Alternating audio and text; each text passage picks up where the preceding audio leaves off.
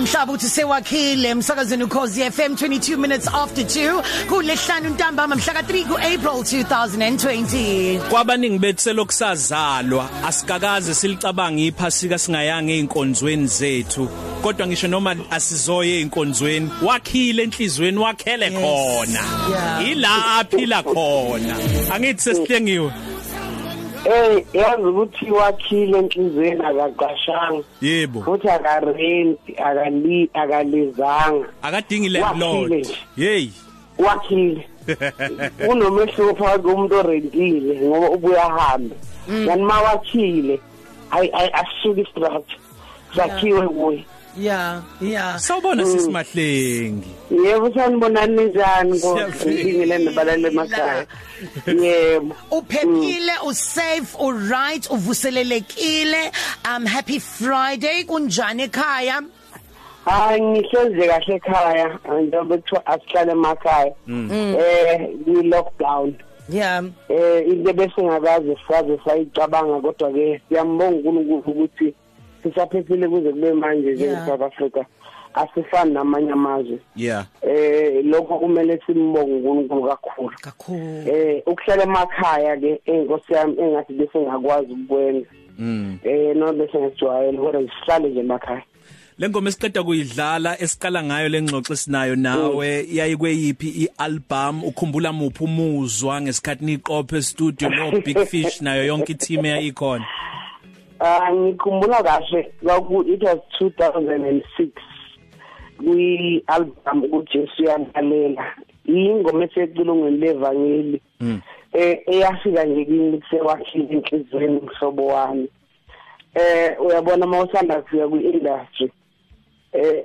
usuke ungazi ukuthi kwenzakalani okuningi ubona nje izinto senzeke kwaba nje uthi nje wakhile yena enhlizweni umhlobo wami angifuni ukuthathwa umoya imimoya e- e- edlulayo kodwa yena aka- angakhe nje kuye noma bethafikana I'm still going to be the same Yeah. uma ngakhile kuye yeah Mm. So mangabe yakhishwa ngo2006 kumina lokho ku2006 14 years ago lokho kumi- kodwa kumina ku- ku- ku- ifana ukuthi yintsha eh enjalo mangiyilalela ngathi ingoma ekhishwe last week ngoba iyona ingoma engiyithanda kuzo zonke ingoma sokuwayiqopha i- i- favorite yam yeah thank you ngiyabonga kakhulu Thank you. about that Yeah. eh nami nje baningi i- i- i- i- khona abanye iyakuyavela komunye umdlalo eh kumabona Yes. kude ngathola ama phone calls amaningi Yeah. kakhulu bebuza ukuthi iphuma kuyiphi album yeah manje ngithi cha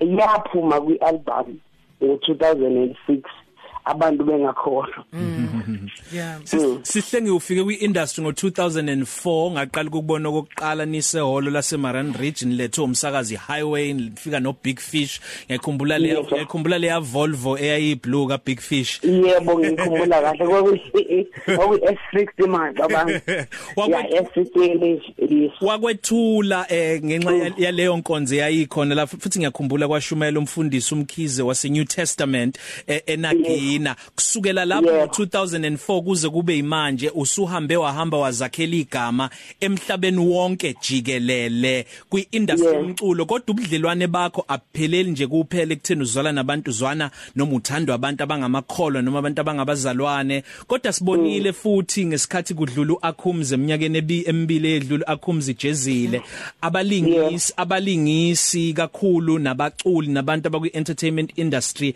be- bekujabule be- bejabula kanye nawe bekwenza ube ingcenye ukucula leya ngoma esayazi ngemasibuyele kuJehova Ungawuchaza uthini lo 16 years 17 years kwi-industry?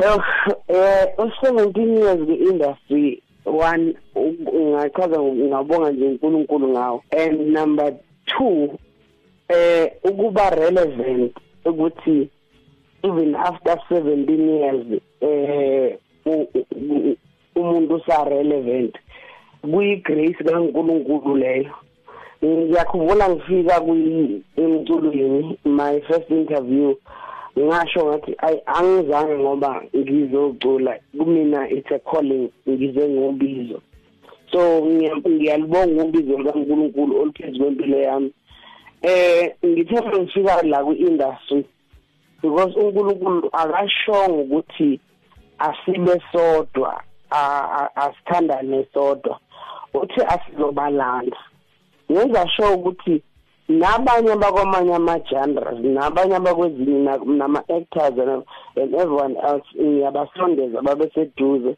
kungabe ngathi thina ama-gospel artist sifuna ukuba sodwana asifuna abanye abantu basijwayele ngoba inkinga bazomazi kanjani uKristo kithi if bengamboni ephila kithi phambi kwabo Mm, mm. so ngiyazi ukuthi nihlangenile futhi nabanye a- Mm. abaculi nahlanganisa yona nikhuluma ni- nicula ngayo le ndaba le e- e- e- e- ehaqe izwe lonke umhlaba wonke Mm. njengamanje Mm. ngabe covid-19 um usebenze nobani ekuyona leculo le le coronavirus eh eh, sisebenze umuntu ngobo u ubudumbuso khoza eh i i- visionary eh kube u Dr Sipho Malembe eh sasebenza ne Flash laba bama bama bezijoli yeah eh sasebenza nomalusi mbokazi ubabo usinezi chuthuni Oh, nice. maningi ama artist abekhona ku- a- akhona kule ngoma because eh, le ngoma eyokuthi mangase sihlanga asihlanganeni njengama njengama South njengama South Africa njengama Africa hayi ama South Africa njengama Africa ukuthi Yeah. ke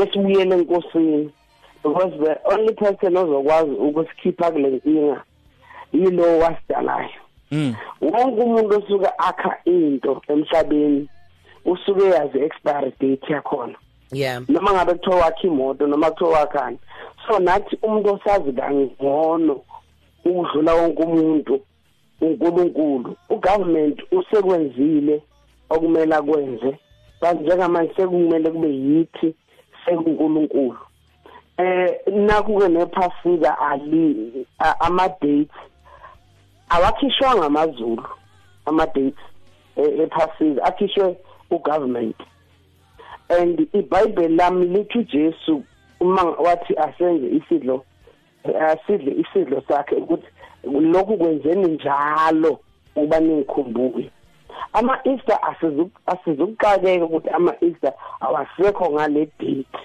sisangaphinde siwa- siwugubhe ngoba kungukhosi kithi ugubhe ama Easter akusilona usuku ama Easter but umkhosi esingawugubha noma yini njengamaKristu yeah Sabonga kakhulu sisihlengiwe siv- sikuvalelisa ngayo le ngoma ye KZN Artist COVID-19. Umyalezo wakho kubathandi bom- bahlengiwe emhlaba nomculo wakhe sesikuvalelisa ngayo le ngoma. Eh, nginomyalezo wodwa njengamanje walesi sikhathi esikuthi siyacela nkosi yami eh i- i-covid-19 akuyona eye- eyohlanga oluthize nohlanga lwakithi liyayithola so sicela abantu bahlale emakhaya ngicabanga ukuthi uhlanga lwakithi aluzukubulawa ukuthi i-covid-19 abayithola ulwazi luzobulawa ukuthi they were- abazange balalele inkani ake silaleleni sobulawa inkani As- uma ngabe besilalelile sesiyazi kwenzakaleni inkani ezosibulala thina sifuna ukukholwa ngokuthi sibone into engasekho simanzile kodwa cha angaqali ngayo lokho asifuni ukuthi khambe wena ngoba sazi ukuhamba wena sicela bonke abantu njengoba kuthiwa it's a lockdown sihlale emakhaya Yeah. hayi inkani bakhona abantu esibaziyo abohlanga lwethu olubath- olubatholi olubatholi le- le- le- le- le virus Mm. so ke mawuthi wena ayisitholi cha hayi amambunge lawo Yeah. siyasithola sicela abantu bahlale emakhaya Okay, Ah, bahlale sithandaza. emakhaya Ehhe. sanda lapho ma- ma- uhlale emakhaya mase siyathandaza ngoba kahle kahle uma ngabe sisenkosini eh akukho ongasenza lutho mkhulu ongakithi nalo sezweni Qedile, qedile Amen. sisihlengiwe emhlaba. Sibonga kakhulu ukuxoxa nawe kwi 12 to 3 cafe. thanks This is a call to all South Africans. In times like these, let's stand together. Let's pray.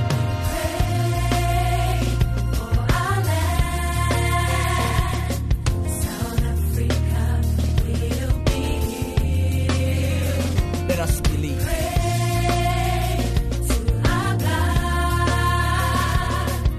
Stand together as one.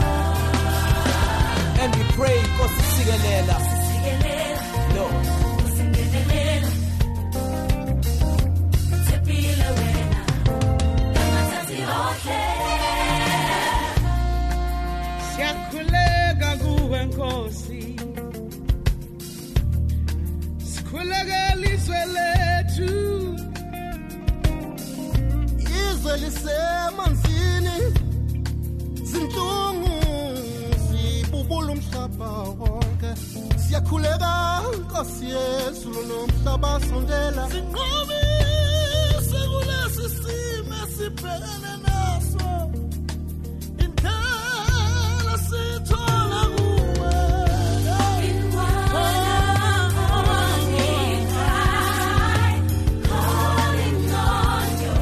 Heal our land, oh God. Heal our land, oh God. Heal our land, oh God. We pray, pray for South Africa.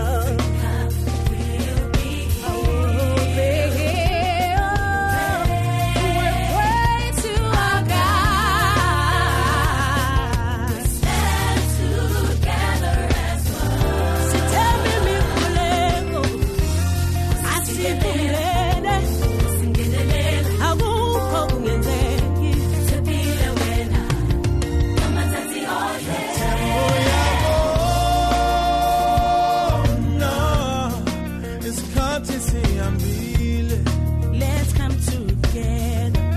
We can win this war. asilaleleni abaphathi bezema besiyala ngeziyalo ngezakhilini